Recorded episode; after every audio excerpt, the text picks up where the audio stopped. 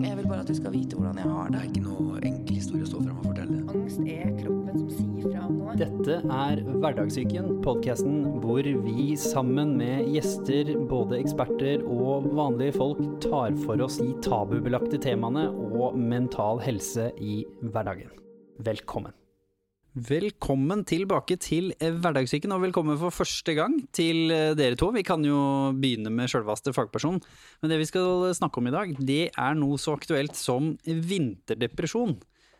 Og nå kan vi jo kanskje til og med slenge på et lite ytterligere aspekt som vi selvfølgelig skal grave bitte litt innom. Kommer liksom ikke unna covid eh, uansett åssen du vrenger og vrir på ting.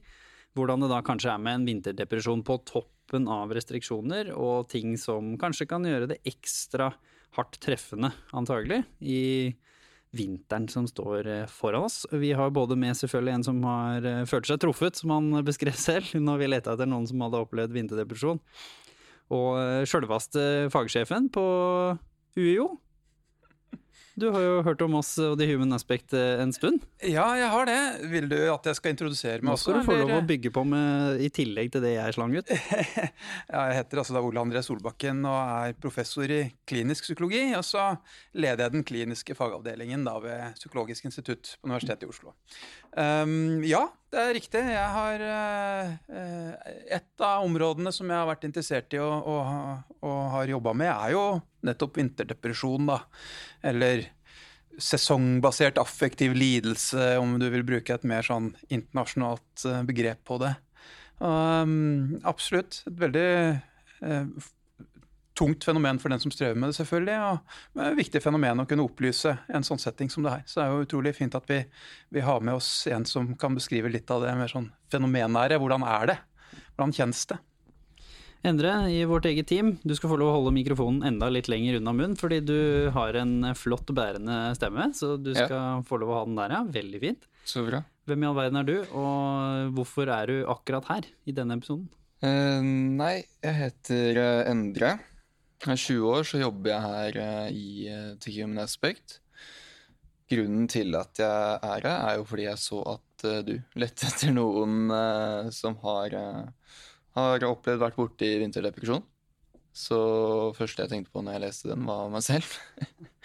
Følte meg truffet av den. Eh, så er det jo egentlig ikke noe som jeg før på en måte har snakket så mye om.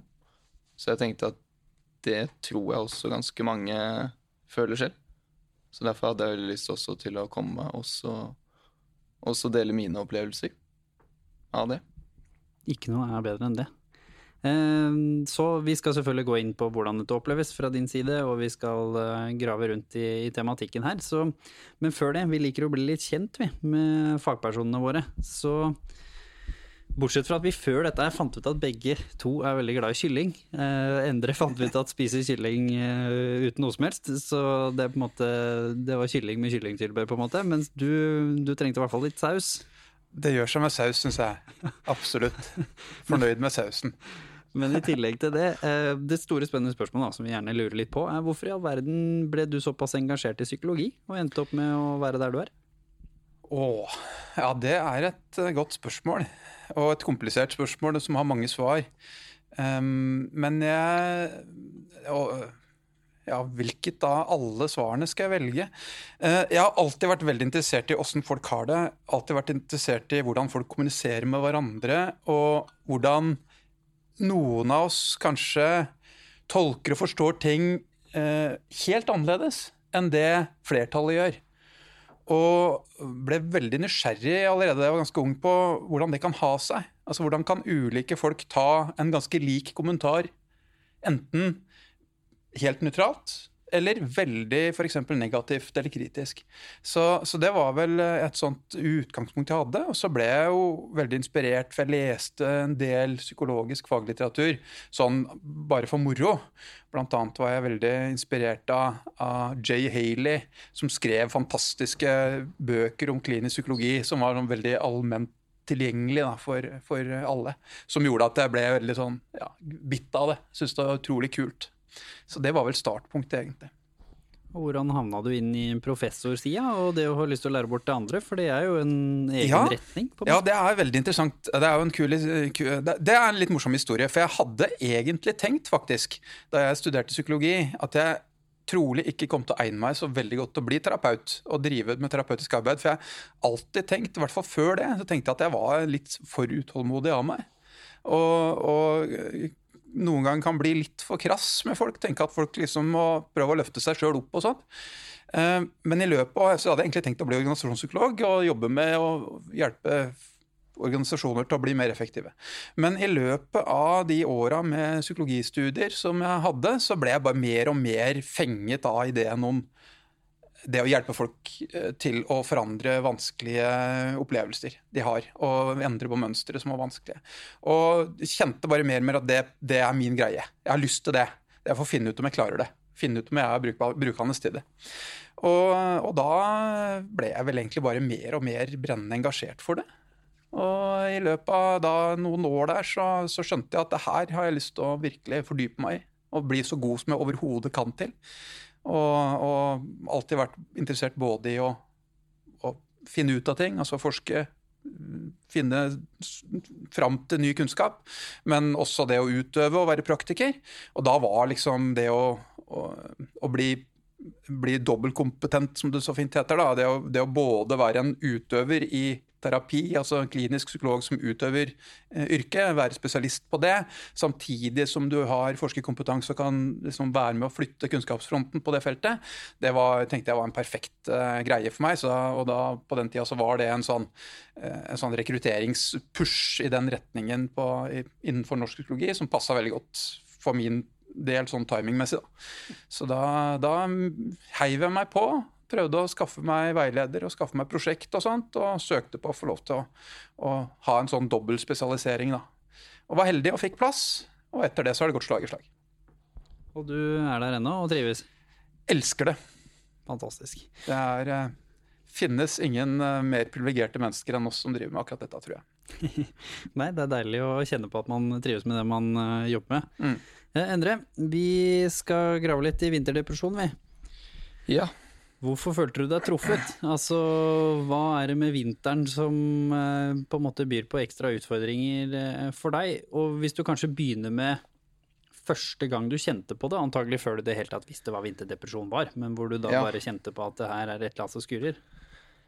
Første gangen jeg begynte også å kjenne at det var noe som skurra, det, det tror jeg var tilbake på, uh, på ungdomsskolen. Eh, det kan nok ha litt med å gjøre at eh, det er litt mer som skjer, det er litt mer oppgaver. Litt, det krever litt mer av deg på en måte i livet enn det det gjør på barneskolen. Eh, og en av de tingene som på en måte for min del har påvirket meg mest om vinteren, det er jo den at du ikke sitter igjen med den energien du, du vanligvis uh, har. Uh, det er det som treffer meg aller hardest, er at, uh, at man har ikke den energien man pleier. Uh, så det var da jeg begynte å, å, å føle virkelig at jeg, jeg hadde ikke energien til uh, noen ganger sosiale ting, skole og litt sånn hverdagslige ting som man på en måte orker å, å, å håndtere, da, til vanlig. Så det var da jeg begynte å merke at det var liksom Ja. Uh, det kom perioder hvor uh, plutselig så falt den energien bort, da. Kan du fortelle om kanskje litt sånn human aspect-style eh, minne, hvor det her var fryktelig vanskelig? Som, og hvor du kjenner liksom hva du følte og tenkte, liksom den frustrasjonen rundt deg, liksom Hvorfor er det akkurat noen som stakk av med batteriet mitt, på en måte? Eh, bare fordi det er mindre lys ute, i den tilfellen, for å liksom virkelig stereotype litt? Det begynte når det virkelig eh, På ungdomsskolen så var det litt mer sånn Mye komme hjem fra skolen og eh, holdt jeg på å si sovne etter skolen, og, og mye, mye soving, rett og slett. Um, så det var jo på en måte Det var jo ofte på en måte man eh, våkna etter å ha sovnet etter skolen, og så eh, har du ikke fått øvd til en prøve, og så er det f.eks. sosiale ting du har gått glipp av fordi at du har sovet og ikke fått med deg meldinger og, og sånn. Eh, men da jeg virkelig begynte å sånn skikkelig merke at uh, det her tar en kutt av livet, er på videregående. Hvor du begynner å kombinere jobb og skole. Hvor det da kreves enda mer. Så det var da det første På en måte første opplevelsen min med at Og jeg også klarte på en måte å se et mønster i det, da. At shit, det er noe som, som skjer på vinteren, egentlig. Husker du et sånt tøft øyeblikk hvor du liksom kjente på det, og hva følte du og tenkte du? Hvordan er det å stå midt oppi dette her, når du følte du ikke fikk gjort noe med det, før du fant mer kunnskap om det? Det tøffeste øyeblikket mitt det er på videregående, hvor det hadde vært en del måneder uh, hvor jeg var utrolig utslitt. Ordentlig, ordentlig sliten. så det var jo mye forsentkomminger på skole eh, og dårlig fokus, rett og slett. Og så begynte jeg å ta litt tak i det. Jeg skjønte ikke helt ennå hva egentlig dette her kommer av. Men jeg skjønte at det var noe som ikke er som det, det pleier, i hvert fall. Vanligvis har jeg mye overskuddsenergi. og så hadde jeg en prat med en lærer litt rundt om det å komme for sent og, og sånt. Uh, og så prøvde jeg altså Det var første gang jeg egentlig til et annet menneske, tror jeg, sa at uh, ja, men det er, det er, tungt på vinteren. Det er tungt, og jeg er sliten, og jeg, det er, jeg er ikke helt meg selv. Det, det, er ganske omvendt av hva jeg egentlig definerer meg som, da. Uh, og svaret fra læreren var at sånn har vi det alle. Og så fortsatte å gå bortover gangen. Og så litt den stå igjen i gangen og bare Shit, har alle, har alle, det sånn? Fordi min opplevelse var ikke at alle hadde det sånn. Uh, så den, den, satt liksom den der at uh, man ikke blir trodd, kan du si. At du, du, blir ikke trodd på at dette her er ordentlig tøft for meg. Og hva følte du da når litt folk sånn Jo, men sånn har jo alle, så det, du må jo bare skjerpe deg, på en måte? At det ja. var du som var problemet, da? Ja, det, jeg fikk et inntrykk av at eh, det er jeg som er problemet. Eh, det er min innstilling eh, som er feil. alle er trøtte på vinteren, og det, det, tror jeg på at alle opplever en, en viss tretthet på, på vinteren. så det var litt den, ja Å, og få beskjeden at alle har det sånn. sitter man igjen og liksom føler seg litt alene om det, da. Det er veldig til nikking på sida her, så det er tydelig at vi har valgt med oss riktig mann på erfaringen. Så Kan ikke du litt fortelle, fordi det er selvfølgelig vinteren påvirker oss alle, den. Det er vel innom noe riktig, det. Men hva er vinterdepresjon, egentlig? Ja, det, um, det er viktig å avklare det. For det er jo det er jo komplisert, dette. Og, og, det er jo riktig på ett nivå at de fleste av oss er litt mer trøtte og litt, eh, er litt mindre energiske på vinteren. Det hadde jo læreren din rett i. Men eh, det er jo veldig stor forskjell på å være eh, vinterlei og være reelt eh, deprimert, altså vinter, ha en vinterdepresjon. Um, og det, det, er nok viktig at vi alle er klar over at det er, som du opplever også, det du opplevde den gangen der med læreren, er jo sånn massivt sammenbrudd i hennes innlevelsesevne. altså Helt ut av stand til å leve seg inn med din situasjon. Helt fullstendig ut av stand til å ha empati med åssen du hadde det. Og Det er jo utrolig smertefullt. Sant? Veldig vondt. Um, Vinterdepresjon er kjennetegna ved at man i tillegg til den der, sant, winter blues, som vi alle noen gang kan ha litt av, men de fleste av oss er ikke veldig preget av det. Det, det er også viktig å huske det, at de fleste av oss litt mindre energiske, men, men ikke massivt. Men, men, hvis du da blir vinterdeprimert eller får en sånn seasonal affective disorder, da, som det så fint heter, som man for øvrig ikke bare kan ha om vinteren, men også er mulig å ha på sommeren for noen, kanskje 10% av de som får den diagnosen, det, er, det innebærer rett og slett at du, du har kriterier på en depresjon eh, tilsvarende det du ville ha for å få en annen type depresjon, en sånn klassisk depresjon som er mye mer hyppig forekommende i, i befolkningen. Eh, men at den veldig tydelig kan knyttes til nettopp denne årstidsvariasjonen og forandringen i lysforhold, f.eks. Lys og mørke. Um, så det er, er, kanskje det viktigste med den. En må ha de klassiske symptomene på å være deprimert. Altså bety I betydning at dette er et reelt problem. Det er noe som går utover ens livsutfoldelse. Uh, men det knyttes systematisk til årstidsvariasjonen i lys- og mørkeforhold og den type ting. Hvis du skal spille litt på det som Endre beskriver her, hva det han beskrev, eh, for du nikka voldsomt her, hva er det som er klassisk? Eh, hvor man kanskje da burde undersøke det, hvis man kjenner på det sjøl? De typiske tingene som det er nyttig å være obs på, det er eh, kanskje først og fremst det å være nedstemt over tid. Altså nedstemt, ulykkelig, altså mer sånn lei seg uten at en kan forstå helt hvorfor over tid. En ting er å være lei seg fra tid til annen og lei seg for ting som skjer i hverdagen. Det er et slags sammenheng mellom erfaringen du gjør deg og opplevelsen du har inni deg. Men hvis det er en sånn nedstemthet som ligger der over tid, det er et sånt kjernekriterium. Et annet er det å miste interessen for ting du normalt sett er interessert i. Altså det å ikke være så interessert i ting som ellers gir deg glede og, og gjør deg ivrig.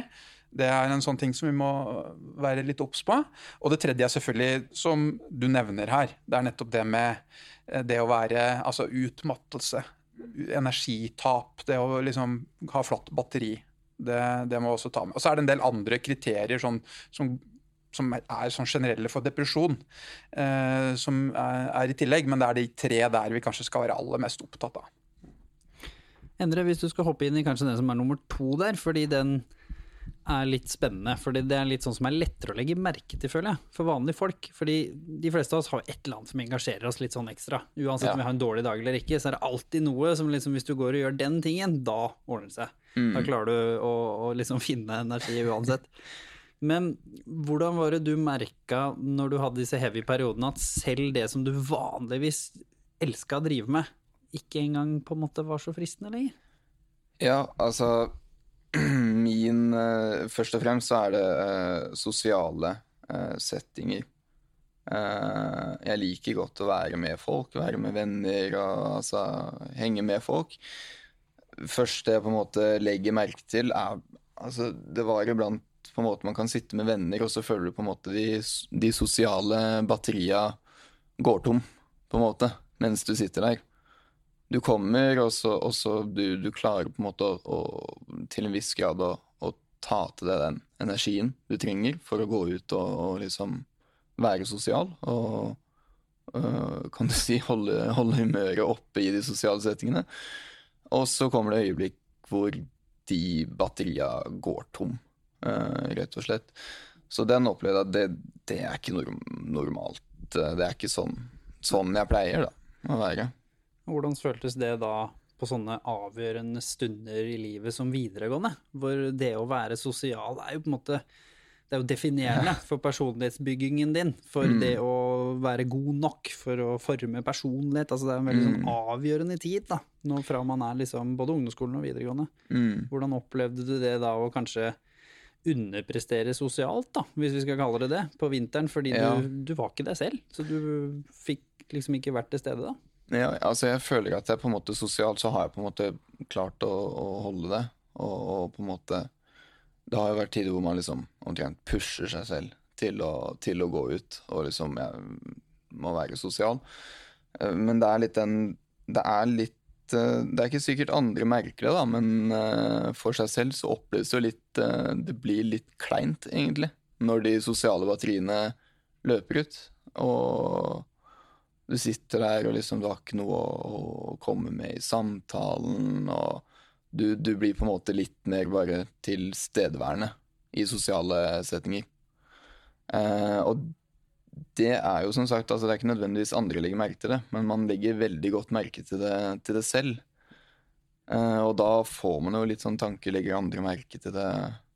Er, gjør jeg noe gærent nå? Og så at du rett og, rett og slett er draina for det sosiale, og så kan man begynne å overtenke hvordan man selv oppfører seg i sosiale settinger, fordi at du merker at det er et avvik på en måte enn hva det skal være, eller hvordan det vanligvis er, da. Her er det nikking igjen. Eh, hva er det som skjer når vi først er i en sånn situasjon at eh, vi blir påvirka, vi føler at vi ikke klarer å være oss selv, og så begynner den neste aspektet ved det å stå i en sånn tøff ting. Da kommer tankene om at hva om de andre legger merke til det, så begynner man nesten å få angstsymptomer òg, plutselig, oppi dette her. Hva er det som er vanlig her, innenfor det her? Ja da, det er, det er ikke uvanlig at du får en miks av mer depressive eh, reaksjoner og også mer sånn uro og engstelse. Og, men det er jo det, det Endre beskriver, er da denne hangen til å bli selvkritisk. Selvbebreidende, selvanklagende, begynne å tenke at jeg ikke er bra nok. Eh, som jo også er sånn klassisk sånn, eh, sånn understrøm i det, det depressive. Uh, sånn, det er litt sånn lurende verdiløshetsfølelsen som ligger innunder der. Um, som også er et sånt kjernekriterium, eller uh, ganske vanlig. Um, og det høres jo ikke sant? Det høres ut som det er en veldig sånn Dette henger jo på greip. ikke sant? Du, du opplever at du har ikke like mye å gi, har ikke like mye å by på. Begynner å lure på hva er det for noe. Uff, jeg får det ikke til, jeg er ikke god nok. Og så er det jo en, en dårlig spiral vi er inne i. Eh, for det er jo også det at jeg vil jo anta at da på sommeren så ville du tenkt at en sånn sosial kontekst som det, det, det kunne faktisk gi energi. ikke sant? Det kunne bygge energi. I stedet for at det tapper energi, så gir det energi, for du blir ivrig av det. Mens dette til... Mm. Ja, hvordan er det på sommeren? Altså, Hvordan er en sosial setting for deg da på sommeren? Eller det du elsker å drive med, i motsetning, da? Ja, sommeren da er det mer energi. Eh, det er jo som man sier, altså da du føler at du har mer å, å gi, og uh, sosiale settinger er litt mer det er mer uh, energiskapende enn en, uh, tømmende, da. rett og slett. Og så er det skammen, da. Ikke sant? Ja. For du fikk jo smekken i ansiktet her av læreren. Dette er jo bare sånn som alle har det. Og i tillegg så er du mann eh, og ung og alt dette her. Og Mm. unge skal jo ikke slite. Det er jo 2020. Du skal jo ha hele livet foran deg, du. Det er verdens beste land. Alle muligheter, sant. Mm. Hvordan kjente du på det? Fordi du sa første gang du åpna deg for et eneste menneske i det hele tatt om dette, så fikk du Mm. det på en måte rett i trynet. Hva skjedde litt da? Og du sa også i stad at det er første gang du skal snakke sånn kanskje sånn ordentlig om det, da, utad. Ja. Hvordan kjente du på det at nei, dette kan jeg på en måte egentlig ikke snakke om, egentlig? Det var jo litt det, altså På en måte den baktanken Tenk om hun har rett. Tenk om jeg innbiller meg det. Tenk om jeg bare, bare har mista motivasjonen for ting. Tenk om jeg bare Tenk om jeg faktisk har riktig, da. Tenk om jeg jeg rett og slett har mista motivasjonen for ting. Uh, og at det er problemet ligger hos uh, At jeg er problemet, da. Uh, og så rundt den perioden så begynte jeg liksom å på en måte kødde litt med det. Eh, altså når jeg kom, komme sent på skolen og sånn, og folk er sånn Ja, hvorfor er du så, så sen, på en måte? Eh, så er det liksom bare å, å, å si sånn Nei, jeg er vinterdeprimert, ass, og så flire det bort. Men samtidig så prøver liksom Mens jeg gjorde det, prøver liksom å, å på en måte sjekke litt med andre også. Får jeg noen reaksjon sånn Det er meg òg, men du, du får jo ikke den reaksjonen når du, når du kødder. da, så Det blir jo en, igjen en spiral av tanker, det også. At er det meg som er problemet? Er det bare jeg som ikke er motivert? Eh, hvorfor klarer alle andre seg så bedre enn det jeg gjør? Er, det, er jeg rett og slett bare sliten av skole? Hva Altså, du, man blir helt, veldig usikker og begynner å bare gruble og grave. Og det tror jeg ikke er så Eller det, det er jo ikke bra heller, Og så sitte og grave i det for seg selv. Nei, og hvordan var det dette da hindra deg i hverdagen og liksom senka livskvaliteten din? Fordi det er jo klart når du Mm. blir usikker, overtenkende, kanskje sover dårligere Du blir jo en dårligere versjon av deg selv, og i tillegg vet jeg Ja. at du jobbet jo i salg. Og i salg Ja. så skal du være rimelig frampå og ganske litt sånn høyt. selvsikker. Mens det er jo det motsatte av det du beskriver nå. Så hvordan Ja. påvirka dette skoleprestasjonene dine? Litt sosiale har du snakket om allerede, Mm. men også humøret ditt hjemme kanskje, og på jobb. Uh, nei, hver, altså hverdagen min besto av skole. Hjemme en time eller to uh, etter skole, spise.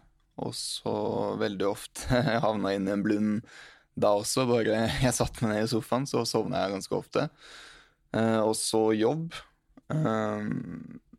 Først og fremst på en måte den overtenkinga påvirket søvnen min ekstremt. Eh, ikke uvanlig å ligge oppe til fem på morgenen. Eh, fikk igjen, igjen høre at ja, men du ligger jo bare på mobilen. Eller du ser bare film. Det er derfor. Og så sitter jeg ved sånn Ja, ja, jeg sitter litt på mobilen, men nei, jeg sitter ikke på, jeg sitter ikke på mobilen til klokka fem. Uh, og man ligger der, og man prøver å, å sove tre, fire, noen ganger fem timer i, i strekk, og, og, man får det ikke til, for tanker surrer og, og, og sånt. Uh, så det blir jo Det er en veldig sånn spiral.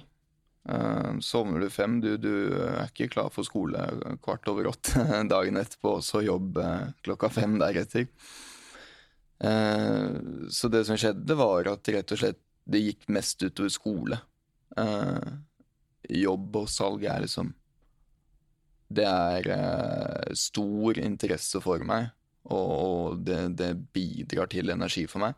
Men det krever jo også mye energi. Så mye Det ble jo mye forsentkomminger, som sagt. Og så ble det jo veldig mye å bruke minst mulig energi på skolen. Også litt fordi at man har, har ikke sovet, da. Så, så, du klarer, har ikke energien igjen eh, da. Og så eh, gikk det rett og slett og, å pushe grenser, egentlig. For å, å uh, ha energien til å, å, dra på jobb eller sitte og øve til en prøve eller noe sånt etter skolen. For på skolen så hadde jeg ikke energi igjen etter en så dårlig natt med søvn. Men så skal man jo gjerne overkompensere litt. ikke sant? Man begynner man jo å lete litt sånn desperat etter alternativer her. Hvordan i all verden skal jeg liksom klare å få det til? Og mm. kanskje mm. da prioritere, da, som du sier. Ok, men jeg kan leve av salg, jeg, da, så da driter jeg i skolen. Fordi ja. jeg får ikke til begge to, på en måte. Nei. Uh, ja, skolen falt jo veldig bort. Fordi det, det var første gjøremål på dagen også. Og da hadde man ikke energi. Så det gjorde også at skolen falt bort. Og i tillegg så, så er det jo som du sier, altså man tenker jo litt sånn Altså, på salg det er jo der jeg tjener penger. Så det er jo der jeg faktisk får, får noe ut av ting nå. Så, så, det ble jo også litt å, å kompensere der at ja, det, det, går fint, på en måte. Uh, selv om det, skole er viktig. Absolutt.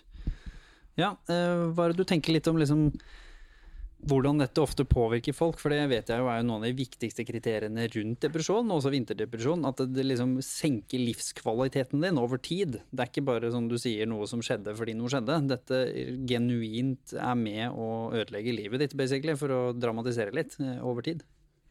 Ja, det er helt riktig. Det er, uh, det er i og for seg innbakt i diagnosekriteriene. At det må, det må ha så inngripende konsekvenser for livsutfoldelsen din eh, at det må sies å kunne markant, det markant påvirker deg. Så det, det, ligger liksom inne, så det er riktig. Eh, det som jeg tenker er ganske viktig å, eh, å merke seg det, i, det du beskriver nå, det er jo hvordan alt henger sammen med alt på et vis. ikke sant? Fordi mm, når du nå kommer inn i en sånn dårlig periode, blir utmatta, sliten, så drar det med seg det er ikke, Dette er jo ikke bare fysisk, sant? det er jo også mental, masse mentale prosesser inni det. Og, og, det er klart, det å gå over tid og ikke sove godt Ingen tåler det. Altså, ikke sant? Går du lenge nok uten å sove, så, så rabler det for deg. Eh, inntil du får sove igjen. Så Ikke sant? Og da, ikke sant? Så der er det et sånt element. Og det er jo typisk også, det er jo interessant nok ved vinterdepresjon, mer hyppig forekommende at det er det som kalles hypersomni. Altså at en, en blir så trøtt at en sover altfor mye. Og så er det noen som har denne hyposomnien, at de sover altfor lite og strever med å få sove. Um, men det vanligste er det motsatte. Men, det, men det, er, det, du beskriver, er jo så slående, ikke sant? for det setter i gang en masse sånne prosesser i huet det å ligge og gruble, det er jo det motsatte av å bli rolig. Sant? Det er det motsatte av å sove. Eh, og det er jo typisk og det triste paradoks i verden at veldig ofte så er det når du ligger der i mørket da, og, og, ikke har noe stimuli rundt deg, det er da er grublemaskina setter i gang. ikke sant? Eh, og gjør bare vondt verre. Så, så, det er samspillet mellom faktorer tror jeg er utrolig viktig. Og det løfter jo også fram noe av det som vi kanskje kan eh, eh forholde oss til, Han har vært midt oppi noe sånt, og som du kanskje òg eh, Jeg vet ikke hvor mye det, om det har forandra seg noe for deg, hvor mye det plager deg fra år til år og sånn. Men, men, det er jo en av tingene vi vet kanskje vil bidra til at det blir noe bedre, hvis en klarer å rekalibrere seg litt f.eks. på grubling. Grubling og bekymring. Så en klarer å finne måter å bryte mønsteret av grubling og bekymring om natta, så sover du bedre, og så reduseres ringvirkningene for livet av en sånn tilstand. Og, og er uheldig så mye at du ikke lenger kan kalle deg vinterdeprimert. Det er jo det optimale, for å si det sånn. Ja, Vi skal jo veldig mye mer inn på hvordan løse dette her nå. Vi skal svinge innom siste tingen, Endre, fordi du tilhører generasjon prestasjon, som vi var litt innom i stad. Hvor mye har det på en måte hatt å si, dette presset om at, og forventningene også, bilder rundt deg på sosiale medier, på ting som er rundt deg, fordi du sa det så ikke ut som noen andre sleit med det, sa du. Mm. Ergo, jeg går jo da ut fra at du mente at alle andre fikk til ting, både skole og jobb og de tingene du prøvde på. Ja, folk eh, løper jo og farter rundt meg med masse energi, ler og smiler, og så Jeg vet ikke som sagt hvor godt det synes utenpå, men inni meg så føler jeg meg som en eh, dass og en følelse av å konstant henge med hodet. Så var det sånn Ja. Hvor mye energi brukte du på da å observere de andre på sosiale medier, si at de gjorde ting, føle mangel? At å, der var jeg ikke. Å gud, ja, de klarer å både få femmere på skolen og de jobba ved siden av deg på salgsdesken. For det var jo sikkert noen Mm. i klassen din som jobba der òg, eller jobba et annet sted, og Mm. viste at de hadde samme ambisjonsnivå som deg, da, men Mm. mestret bedre enn deg på vinteren. Mm. Hvordan kjente du på det ja, generasjons prestasjonspresset med at det liksom er overalt i sosiale medier og rundt deg på skolen og rundt deg på jobben? Altså, jeg, eh, jeg personlig jeg, jeg- Altså, jeg var jo på en måte gjennom det samme som de andre. Jeg var på skole, og jeg var på jobb. Jeg møtte opp på ting. Eh, men eh, jeg presterte jo ikke på skole, eh, i hvert fall. På jobb eh, presterte jeg bra, for det var ikke det første som skjedde på morgenen. Eh, så Men sånn jeg på en måte håndterte det, var jo egentlig å senke mine egne forventninger til meg selv på skolen. Eh, litt som vi var inne på i stad. At eh, jeg gjør det bra på salg. Det er min greie. Skole er ikke min greie. Eh, Hvordan så føltes det? Når du lever i en verden hvor alle føler at de må være best, og hvor det også er ganske høyt krav til det å Mm. lykkes, eh, og utdanning. Er jo, nå er det jo nesten mastergrad like vanlig som, eh, som en Grandiosa, alt jeg på å si, for å tulle litt med det. Men Ja. det har jo blitt Det oppleves sånn, i hvert fall. At det liksom Har du ikke noe mer enn vanlig videregående, så får du ikke til ting i livet, liksom. Mm. Ja, man føler seg jo litt eh, Man føler seg litt dum, da. eh, rett og slett. Det er jo sikkert mange også som, som føler utenom på, også på skolen. Og føle seg litt dum når du ser folk presterer og, og gjør det bra. For min del så eh, var det kanskje litt mer egentlig å stenge de skolefølelsene ute. Ikke erkjenne de, egentlig. Altså, jeg begynte og på en måte hvor mye jeg gjorde det, gikk opp og ned på en måte hvor mye jeg stengte ute det. Men eh, det var ganske mange perioder hvor jeg bare stengte følelsene rundt skole. Stengte jeg ute. Og, og, men man går jo og tenker på det, da. At man ikke presterer. Og, og man blir jo, er jo nervøs for eh, åssen uh, skolegangen skal gå uh, når du ikke får prestert der. Men uh, jeg tror Jeg håndterte veldig mye av, av det med å stenge ute de følelsene. Altså ja, litt, litt sånn ikke, ikke bry seg, nesten. I hvert fall ikke utenpå. Og da kommer maska. Ja. Hvordan var det å tasle rundt med den? Og se ut som han som bare tulla med vinterdepresjonen og lo det litt bort, og, og så egentlig innerst inne så går du og føler deg dum, og at folk ikke tror på deg og begynner å lure på om det er deg som er problemet. Når du egentlig Ja. er en som vet. Du er jo ikke sånn. Mm.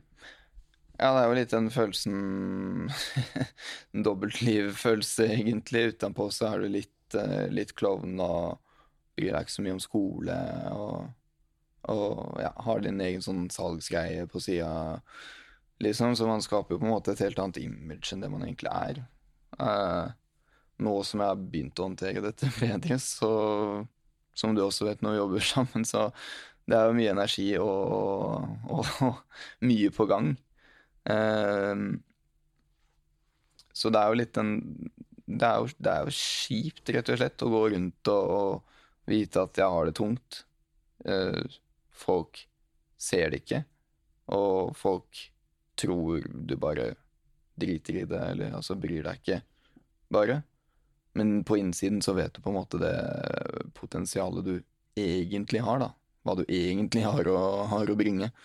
Vet du på innsiden. Altså, så det blir jo Man blir jo lei seg, da. Altså, det, er, det er kjipt å gå rundt og vite at du har det potensialet, men uh, du, blir, du blir ikke trodd på at du har det tungt. Skolen går dårlig. Og det mest logiske eller ulogiske blir jo å sette maske på det. På at uh, jeg bryr meg bare ikke om skole, derfor går det dårlig. Men egentlig så bryr man seg. Men du, du, du har ikke Du klarer ikke. Du, ja. Dette er vel lov å beskrive som eh, graverende går utover livskvalitet? Helt klart. Helt klart. Og eh, det løfter jo et, et uh, enda mer overgripende problem, syns jeg, hvis jeg kan tillate meg å bringe det til torgs også, som jeg tror er et samfunnsproblem. Uh, for én ting er jo da deg som da føler deg tilkortkommen på skolen uh, og, og, kan knytte det til sesongvariasjon osv. osv. Men det er jo ikke alle som kan det heller vi, vi, må jo bare si, altså for det du, det du, løfter fram, er jo et systemproblem også. Altså Hvorfor i all verden skal mange norske barn og unge gå og føle seg mindreverdige på skolen? For det gjør de. Ærlig talt. altså Tenk på det. Vi har et skolesystem som har prøveforordninger som deler studentene holdt jeg på å si pasientene, studentene inn i tre grupper. De som er på øverste nivå, mellomste nederste nivå. Helt uavhengig hvor gode de er for øvrig. Så noen skal være dårligst uansett. Altså, vi har jo lagd et system som forutsetter at ganske mange mislykkes. Så og, Da kan du begynne å tenke på kryssvekta av mange faktorer. For i tillegg til at den kanskje da blir påvirka av årstidsvariasjoner, så er det selvfølgelig sånn at det i seg selv påvirker en det òg. Det å gå Og jeg vil jo tenke som så at ja, kanskje det er like sunt, da, egentlig. Hvis en har eh, styrke nok i seg sjøl til å tenke drit og dra, jeg skal ikke la det systemet få lov til å definere min verdi. Ikke sant? Så, så på ett nivå så er det en maske, ja, men på ett nivå så er det også en, sul, en sunn selvhevdelse i det. For det er også en måte å holde seg oppe på, og ikke la seg definere så vanvittig av, eh, av de andre sine liksom uh, uh, ideer om hva som er verdifullt. Ja, ja, ikke sant? Så får jeg finne andre arenaer å lykkes på. da. Men, men, at det under der er et gedigent problem i samfunnet vårt, det tror jeg er helt overbevist om. Og vi burde ikke fortsette å ha en skole som, som produserer så mange som opplever seg tilkortkommet, som jeg tror den gjør. Ja, absolutt. Kunne vi jo hatt eh, en egen episode om òg, for å si det sånn. Men det som også er litt fascinerende, er jo den der effekten her. Altså, jeg kommer jo fra på en måte toppidretten også, hvor man jobber jo mye med mental trening. På en måte fra null til 100, og det å prestere på veldig høyt nivå akkurat når du skal.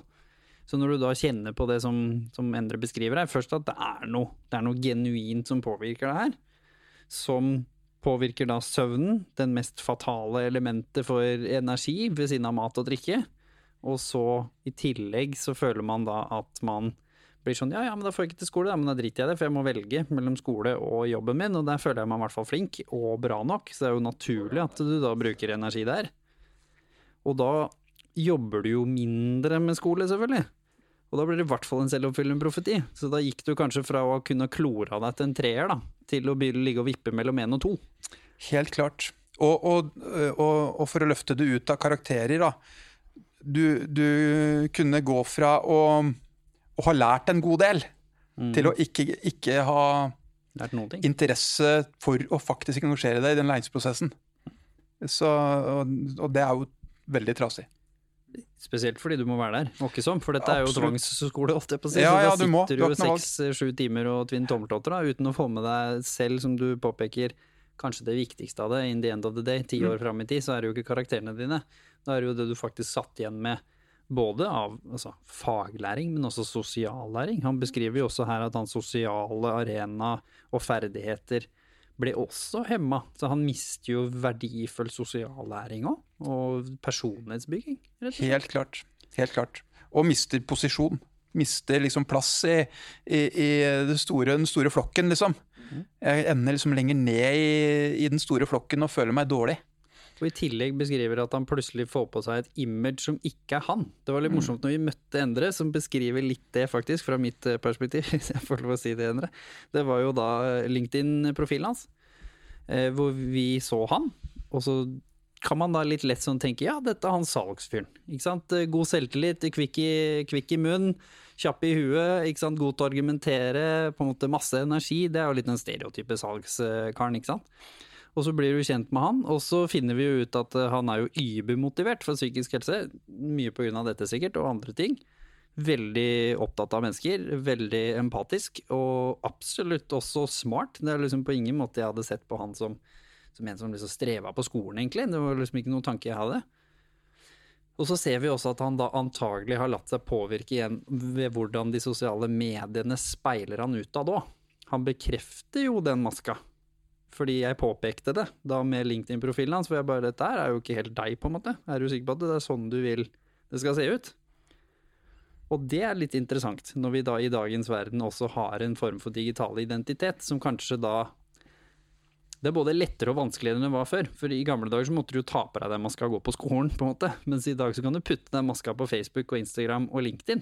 Og så er det med på å forme inntrykk til alle andre. Og ja, å endre det han jæklig artig klovnen, den som tjener masse penger på salg, og som er den som har mest penger av oss på videregående. ikke sant? Fordi de andre gadd ikke å jobbe på salg, så de får nå den lønna de får på Kiwi eller hvor nå enn de holder på.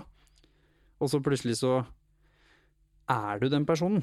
Det blir en selvoppfyllende profeti. Fordi det er ganske vanskelig å ta tilbake eierskap etter tre år der. De tre mest definerende årene i livet, kanskje. Og så sitter du igjen på andre enden der, da. Og så har du så vidt kommet deg gjennom videregående, og så hva er alternativet ditt da, egentlig? Så det har plutselig ikke bare påvirka livskvaliteten men det har potensielt påvirka livet ditt Mm. de neste 20 åra. Absolutt, og i verste fall så kan det jo la deg forlede til å tro at denne, dette falske bildet du har satt opp, er den du burde vært. Nettopp. Eh, Og kanskje til og med at du er den du tror du egentlig er, bare du klarer ikke å nå opp til det. For det er jo det neste Eh. som er bra nok. Mm. Eh, Hvilket jo er veldig usunt, rett og slett. Og ikke bra for oss. Så det å ha lov til å være sånn som en er, det er jo, krever jo innmari mye mot å gjøre som du har gjort her, Endre. ikke sant? Du beskriver jo en erfaring fra tidligere. Det å, det å liksom tørre seg litt ut av, eh, av komfortsonen og det trygge skallet sitt, og liksom prøve å nå frem med noe. At en har det vanskelig og strever og trenger å bli anerkjent på det. Og så blir bare møtt med at det blir avvist. Eh, Det er klart det er veldig lett så bare skru av den delen av seg som vil dele, eller som vil prøve å komme fram og nå fram til andre. Um, Men du har jo gjort det allikevel. ikke sant? Du har ikke latt deg knekke av det. Du har fortsatt, du tør å stille opp her, som krever masse mot. da. Ikke sant? Det å, for de aller fleste av oss syns det er skummelt å dele sårbarhet. Men samtidig så er jo det nettopp da, altså, kuren mot det der falske persona-greiene som så mange av oss driver med, det er jo å være oss sjøl fullt og helt og ordentlig. Og dele av eh, Ok, noen ganger så er vi liksom eh, høyt oppe og svever og gjøblende glad, men, men, men veldig ofte så er vi ikke det. Og ofte så kan det være at vi lykkes med ting, men andre ganger så mislykkes vi. Og det å kunne være seg sjøl uansett, da, dele sårbarheten sin, dele åssen en har det uansett, være sammen med andre, det er jo det som gir følelsen av å være hel ved. Å være helt sammen med andre. Og ikke minst det som gir følelsen av at eh, en faktisk er kjent av noen. Ikke sant? Det er ikke bare narrebildet som blir kjent, men det er, det er reelt meg som er kjent. Så jeg er ikke så ensom lenger heller. Fordi andre møter meg sånn jeg er. Det er jo ekstra spennende og relevant å, å snakke om nå. Skal vi hive oss inn i, i løsningene? Du starta jo perfekt her, så kan du ta over programlederrollen. Ser du det? Nei, eh, det er perfekt. La oss snakke om hva gjør vi med dette. Hva gjorde du med det? La oss begynne med det, Endre. Nei, når det begynte å bli eh, eh, Jeg gikk jo på videregående når, vi, når det ble innført sånn 10 %-regel, da. Som betyr at hvis jeg har vært borti et fag i mer enn 10 så er det stryk. Da er det ut, og da er det over. Eh, så det måtte jo bli tatt tak i. Eh, så jeg begynte å gå til helsesøster på skolen. Hvor skummelt var det? Ehm, det var ganske skummelt i starten å, å liksom legge litt troa igjen på at noen på skolen skal tro på meg. Um, men det gikk veldig greit, egentlig. Uh, det var ganske godt å egentlig få snakke med en som er uh, Ja, ikke, ikke se på deg Åssen kan man si det? Som er litt objektiv i det, da. Altså sitter der og lytter, faktisk, uh, på hva du har å si. Og så tok man en litt runder og gravde i hvor dette kan komme fra. Er det fordi at du jobber så mye, fordi at du har skole og jobb? Og så sitter man litt sånn Nei, for det har alle andre elever på den skolen her også. Uh, og jobben er på en måte det som ga meg bitte lille boosten også i hverdagen. Uh, og så begynte vi å gå mer inn på søvnproblemene, da. Ble jo det jeg var sånn og prata mest med opp gjennom videregående. Um, så da ble det jo henvisning til uh, lege, og så fikk skrevet ut uh, melatonin, fikk jeg da. Så ganske harmløst uh, for de som ikke vet det. så det var jo, var jo, godt å på en måte nå, nå, får jeg litt hjelp på det, da. Men det ble jo litt mer et, et søvnproblem enn en vinterdepresjonproblem. Så ble det mer at du sliter med å sove.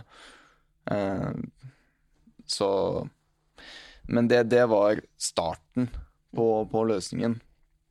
Uh, hvert fall. Hvordan begynte det å hjelpe? Fordi litt sånn som du var inne på i stad også med fagpersonen vår her, eh, var jo at det er jo ofte en god start. Mm. Å begynne å ta tak i grublinga, og mm. som gjerne da fører til noe som vi alle vet går utover livskvaliteten og prestasjonen til alle mennesker. Med en gang søvnen begynner å bikke, og i hvert fall mm. bikke over tid. Da blir det problemer. Ja. Så når du fikk retta litt opp i det, så var det vel litt mer overskudd til å begynne å tenke på at det kanskje er noe mer som ligger til grunn her òg? Ja, jeg begynte jo å få, få sove. I hvert fall be, bedre, i hvert fall. Det var fortsatt noen sene kvelder og grubling og, og sånn i ny og ne, men uh, det ble litt lettere, i hvert fall. Uh, så fikk jeg også legeerklæring fra legen uh, på søvnproblemer. Så man fikk liksom letta litt av skuldrene, da, med fravær og stryk og ikke fullført videregående og de tankene. Så det letter jo på grublinga, å slippe å gå og tenke på hver dag om man kommer til å komme seg gjennom videregående, eller om du må bruke titalls tusen på å ta det opp etterpå, eller etter videregående. Så det, det begynte å hjelpe, veldig i hvert fall, eh, med det, som fikk slutt på, litt slutt på den grublinga.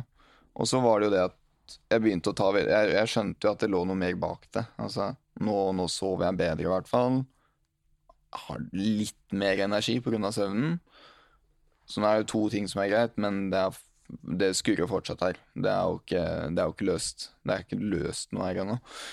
Så da er det jo det å gå på Google, da. For det er ikke så mange andre å, å snakke om vinter, vinterdepresjon med. For alle, alle, er trøtte på vinteren, som jeg har fått hørt Så gå på Google, og så begynner man også å kjenne litt tegn sånn Altså begynner du å huke av eh, beskrivelsen, da, og så begynner du å tenke og, og, sånt. For meg så var det ganske greit, for det satte litt ord på tankene mine. Og det starta at jeg kunne uh, i hvert fall anerkjenne tankene, og forstå, forstå. Hvorfor er det så viktig? Det er litt spennende å ta tak i, fordi det er et fascinerende konsept generelt, syns jeg. Med en gang du får lov å sette ord på hva du sliter med, så er det akkurat som om deler av byrden forsvinner nesten sånn momentant. Hva er det fenomenet her for noe? Vi kunne jo nesten kalle det en innsikt. Kan ikke det? Altså, du gikk og var i stuss på hva det var for noe. Hva er det for noe med meg? Er det, er det Ikke sant? Er, er, er jeg bare giddaslaus, liksom? Det, hva er det for noe? Um, og så finner du da noe, ikke sant? du ser noe som matcher, noe du gjenkjenner, som passer, som gir et rimelig rasjonale for hvorfor du har det som du har det, og som du syns treffer deg, ikke sant. Da har du jo plutselig fått en forståelse, plutselig så treffer det, du, du har en innsikt i Å ja, aha, her er det noe greier. Og det virker jo på flere måter. For det første så er det å forstå ting er sunt i seg selv. Det å få en fornemmelse av ting, at jeg forstår meg sjøl og det henger sammen med meg sjøl, liksom. Det er ikke uklar, uforklarlig for meg. Nå skjønner jeg litt mer av det. Det hjelper i seg sjøl på veldig mange ting. Men i tillegg så er det jo det der at det hjelper på sjølbildet òg. Så det er nok det når du spør om hvorfor er det For du spør jo litt om hvorfor er det mange som har godt av å få en slags merkelapp. Det å finne en diagnose som passer. For mange så tror jeg det er noe med det. Altså det hjelper på sjølbildet. Det hjelper på opplevelsen at det var ikke jeg som liksom, jeg, jeg kan ikke settes i fengsel for dette. Det er noe som fins, som skjer med en del mennesker, og det har skjedd med meg. Og det er ikke noe jeg har verken bedt om eller sørga for eller gjort uh, noe for å få. Det er bare sånn det er, og det er OK. Da kan jeg liksom akseptere meg sjøl litt mer. Så det tror jeg også er en sånn viktig komponent i akkurat det. Ja, for aksept er, er del én, er det ikke det? Aksept, og så kan vi begynne å bygge oppå der. Da kan vi bygge hus. Da kan vi jobbe oss videre, vet du.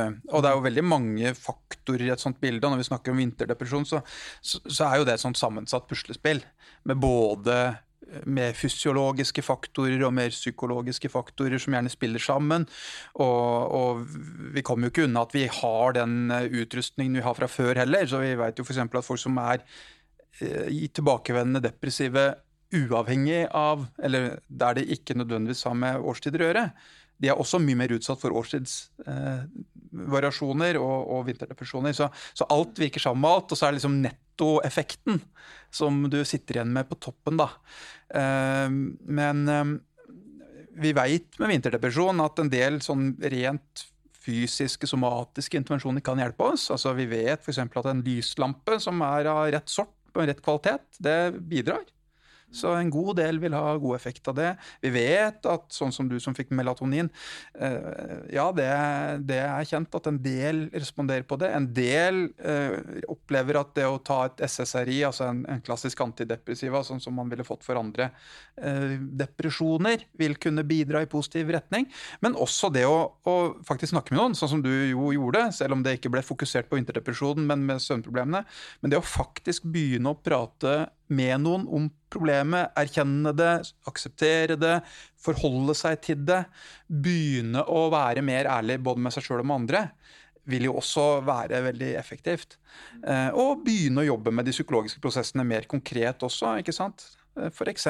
det å, å, jobbe med å utfordre ens eh, For noen av oss, de fleste av oss, som grubler mye. Vi, vi er, uten at vi er klar over det, også litt glad i å gruble. Så det er litt godt òg. Det er jævlig, men det er litt godt òg. Så det å finne måter å liksom bryte den koblinga der at jeg, jeg, jeg, velger å gjøre det, eh, er jo en sånn prosess som kan være veldig, veldig nyttig. Ja, for hvordan tok du det videre, Endre, etter at du var ferdig med Google? eh, nei, det første var å, å, å Som jeg syns gjorde en stor Det er jo noe som på en måte det som, det som er vanskelig, er jo at det kommer og går, da. Det kommer på vinteren, og så er det borte på sommeren. Så du har, eh, du har, en viss tid. Du kan jobbe med det.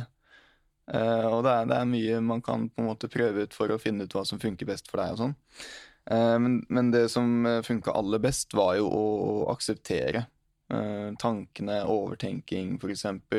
Eller bare rett og slett akseptere det at jeg har mindre energi. Jeg, jeg har litt mindre energi nå. Uh, og, og, sånn er det. Og, og på en måte ja, bli, bli, enig med deg selv at det, det går fint. Det er, det er vinter, nå er det vinteren. Nå, nå, nå, er det akkurat sånn som det er nå, så er det sånn. Og så må du akseptere f.eks. overtenking og sånt, da. Um, og så begynte jeg å, å prøve ut litt, altså um, Søke litt på løsninger, da. Altså leste på vitamin D. Så det er jo noe som eh, blir fylt kraftig opp på uh, på vinteren og det også hjalp litt. Eh, og så begynte jeg med sånn uh, dagslyslampe. Gikk til innkjøp av en sånn. Uh, og det funka også litt. det som var vanskelig med den, var jo at hverdagen er hektisk, så du har ikke alltid tid til å sitte de minuttene du må foran den. Ironisk nok, nå med korona og hjemmekontor, så er det en veldig fin mulighet til å bruke den. Uh, og jeg kan jo si i år, så nå har jeg begynt å bruke den hver eneste dag. Uh, og den vil jeg si har gjort størst forskjell. Dette er hittil så har dette vært det mildeste, mildeste vinteren. Bank i bordet.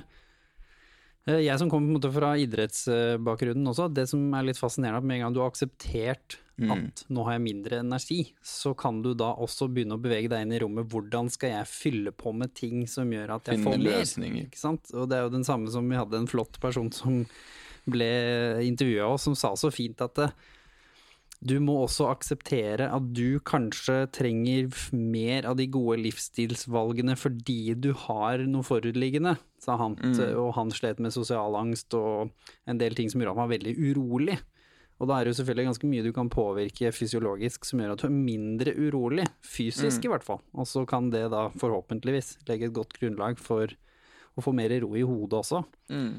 Så da var det jo fra vårt perspektiv, sånn som jeg jobba med det, husker jeg, som har jo hatt mildere versjoner, selvfølgelig. Og jobba da veldig med at når vinteren kom, sånn som du sa, D-vitaminer, smack, klar med en gang. Ikke noe sitte og vente til problemet kommer her. Eh, Begynne tidlig, og så være ute midt på dagen. Jeg jobber jo et sted hvor jeg har mulighet, det er absolutt ikke mulighet for alle, men har du det, så ta den. Plutselig gikk jeg to timer midt på dagen. Kvarter midt på dagen. 20 minutter midt på dagen. Samme av det. I sola. Ute. De få timene vi har besøk av den.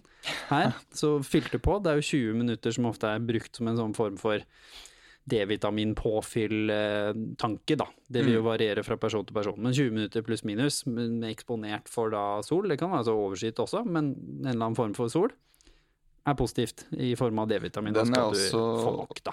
Også brukt der jeg kan i hverdagen. Eh, bare ser nå, nå på vinteren eller når jeg vet at det begynner å bli mørkt, så er det første rett på D-vitamin. eh, før det egentlig begynner å mørkne i det hele tatt. Bare fylle på.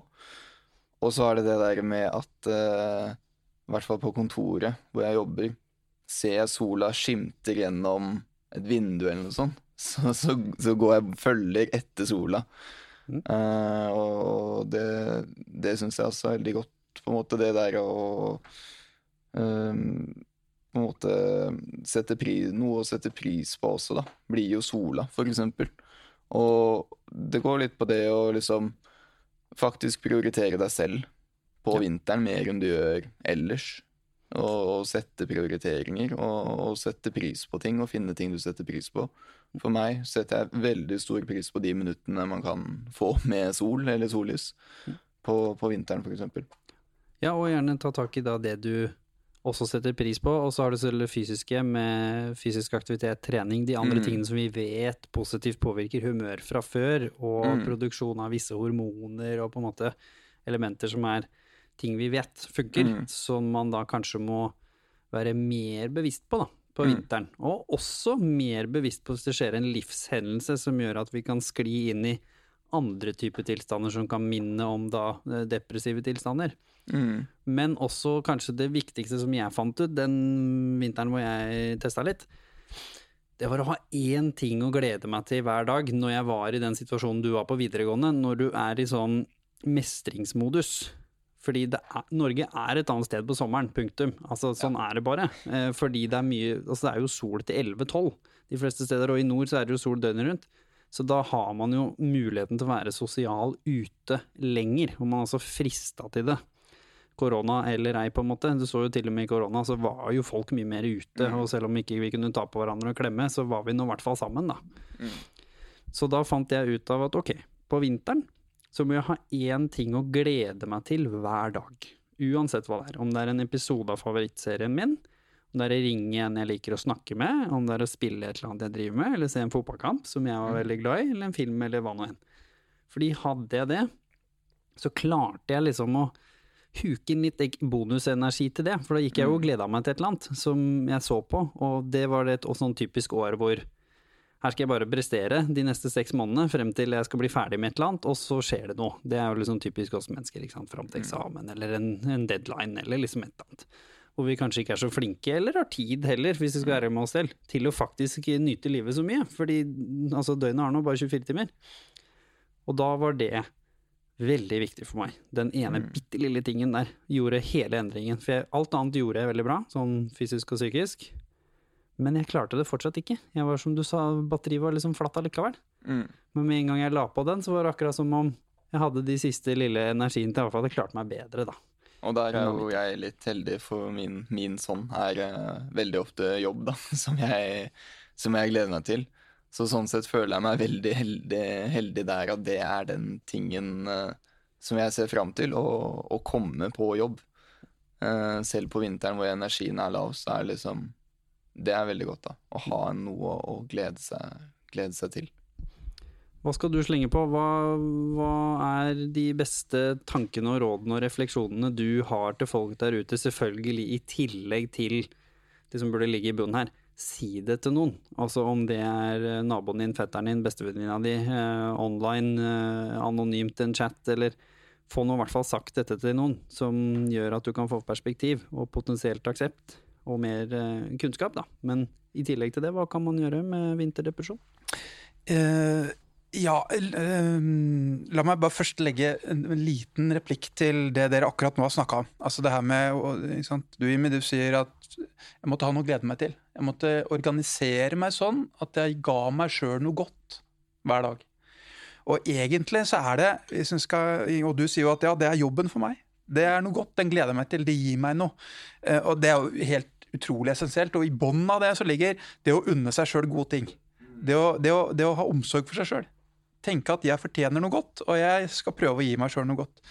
Um, og det er også en parallell til det der som du sa med å Altså, du har kalt det aksept. Du sa der med å, å, erkjenne det som et problem. ikke sant? Og at noe av veien ut av det for deg, det var å tenke at ja, det er sånn det er. Det er sånn det er på vinteren. Har litt mindre energi. ikke sant? Og det er også en form for selvomsorg. For det handler om å si at jeg er sånn jeg er. Det er OK. Det er ikke sånn at jeg trenger å være en annen. Det er ikke så stor diskrepans mellom liksom, hvem jeg burde vært, og hvem jeg er lenger. Og det er jo veldig vesentlig. Og da blir vi mye mindre redde for det er symptomene også. Ikke sant? Da, er det, ikke sant? da er det plutselig sånn at jeg kan tåle at jeg ikke sov så dårlig den natta. Eller ikke sov så godt den natta, mener jeg. Fordi det er ikke så jævlig farlig lenger, for jeg trenger ikke å prestere så jækla høyt når jeg kommer på jobb i morgen. Eller på skolen. Fordi jeg kan på en måte gi meg sjøl det rommet, da. At ja, det er sånn nå litt.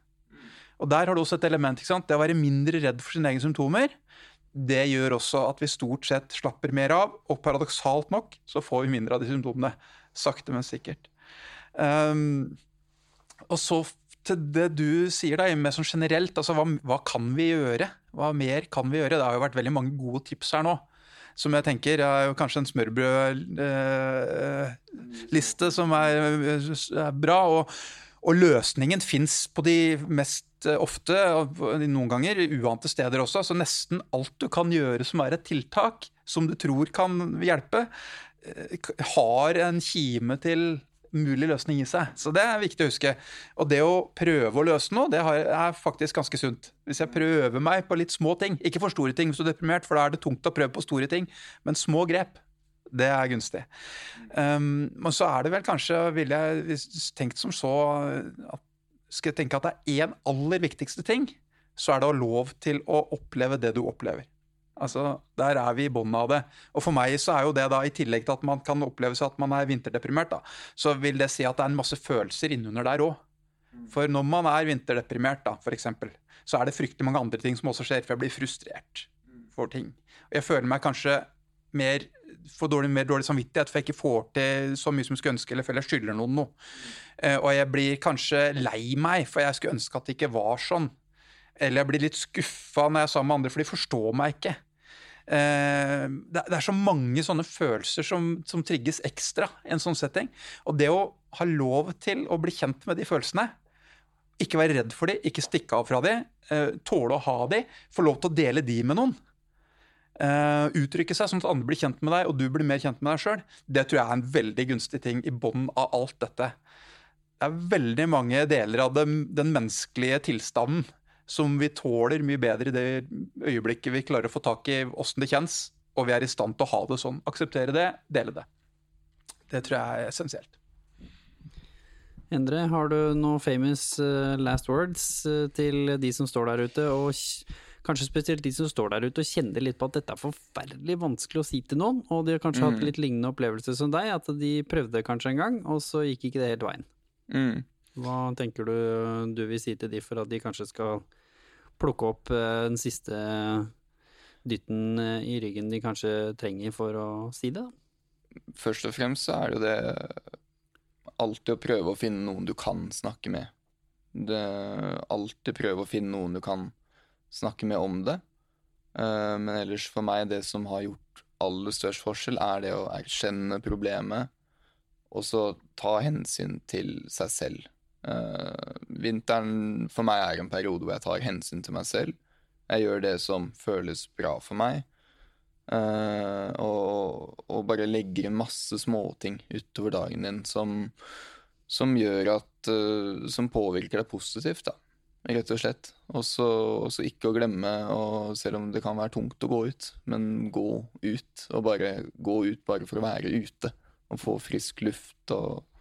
Det er også en av de tingene du kan bare gjøre for å føle deg bedre, uh, rett og slett. Ja, jeg vil gjerne spille på det og slenge inn naturen som selvfølgelig en viktig figur her. Mm. Og litt det derre Jeg snakka om det før, men vi mennesker vi er litt artige. For vi er liksom sånn konstruert til å være selvdestruktive. Vi ofte liksom gjør det motsatte av det som egentlig er bra for oss. Når vi hører noen av de rådene her, så tenker vi å ja, ja, det var jo det motsatte av det jeg gjorde, ja. Jeg satt jo mm. bare inne, bevega meg ikke, hadde skrudd av lyset, så, så mer på TV. Altså liksom, så gjør vi gjerne alle de tingene vi ikke burde gjøre, og det faller oss kanskje litt naturlig noen ganger. Mm. Så det å tørre å kanskje utfordre noen av de tinga du gjør, tenker jeg kan være sunt. Hvis du er litt sånn ok, nå er jeg litt mye inne fordi jeg føler at jeg ikke presterer i sosiale settinger. Vent litt. Er det egentlig en selvoppfyllende profeti nå, eller hva ligger i det her? Og tenke at ja, ok, kanskje ikke jeg skal være ute hver gang, men hva om jeg går 50% av gangene, da? Og har litt lavere krav til meg selv? Mm. Utsette seg litt for egentlig der problemene ligger. Det, hjelper, det har hjulpet meg mye. Mm. Altså, jeg har ikke så lyst til å gå ut. Gå ut. Og så det, det, det, hjelper veldig. Og, og, for min del så, så vil jeg si nå at altså, vinterdepresjonen, den, den er der, men den påvirker ikke livet mitt i den grad den gjorde før. Fordi at man finner ting som gjør, gjør, det lettere. Sånn små positive øyeblikk man kan legge inn for seg selv i løpet av dagen. Og, og rett og slett ta ekstra godt vare på seg selv om vinteren. Da har man kommet langt, tenker jeg. Mm. Tusen hjertelig takk for at dere ble med oss. Har du noen famous uh, last words uh, fra din flanke? Ja, nei, Jeg hadde bare lyst til å si at ja, da, da er vi vel kanskje der at du har gått fra å være vinterdeprimert til å bli vinterlei. Og det må vi være veldig glad for. Det er jo veldig bra. Fantastisk. Og da takker vi som sagt eh, dere begge for at dere kom, og vi takker til alle dere som hører på. Vær nå vennlig og vær med og del denne episoden her, fordi det kan kanskje være det som gjør at en av de rundt dere som går og kjenner på dette, som kanskje aldri har anerkjent eller ikke visste at det var en greie, og trodde at ja, ja, alle er jo nedstemt på vinteren, har muligheten til å høre denne episoden her, og kanskje finne kunnskap, innsikt og mot til seg til å ta tak i det, og kanskje få et hakket bedre liv, rett og slett. Hvor det kan rett og slett tynge deg litt mindre, og hvor du kan bli vinterlei isteden. Så kan det heller være noe vi tuller med, på en måte. Så, for dette er jo, som vi har vist i denne episoden, noe som kan være gravalvorlig, og faktisk på verste konsekvens kan være med å endre livet ditt, hvis du ikke er bevisst her, og lar deg sjøl dra ned med alt som fører med. Så dette er faktisk ikke noe Det er ikke noe tull. Det er en, både en reell eh, diagnose og noe som kan ødelegge liv, men også noe som kan leves veldig fint med. Og som gjør at du til og med kanskje får noen bedre livsvaner på toppen av det hele. Sant? Ja, altså Jeg vil jo slenge inn altså det har, det har jo vært tøft eh, når det har vært på det tøffeste, men uh, ja, når du finner, når du finner ting som, som hjelper, så, så, snur det livet veldig, veldig positivt. Føler på mestring, til og med? Føler på mestring. Jeg tror, ikke, jeg tror kanskje ikke jeg hadde vært eh, så lenge i salg som jeg har vært nå, om kanskje ikke det hadde vært for det. For det var der jeg fikk mestringen, og det er det jeg har fortsatt med.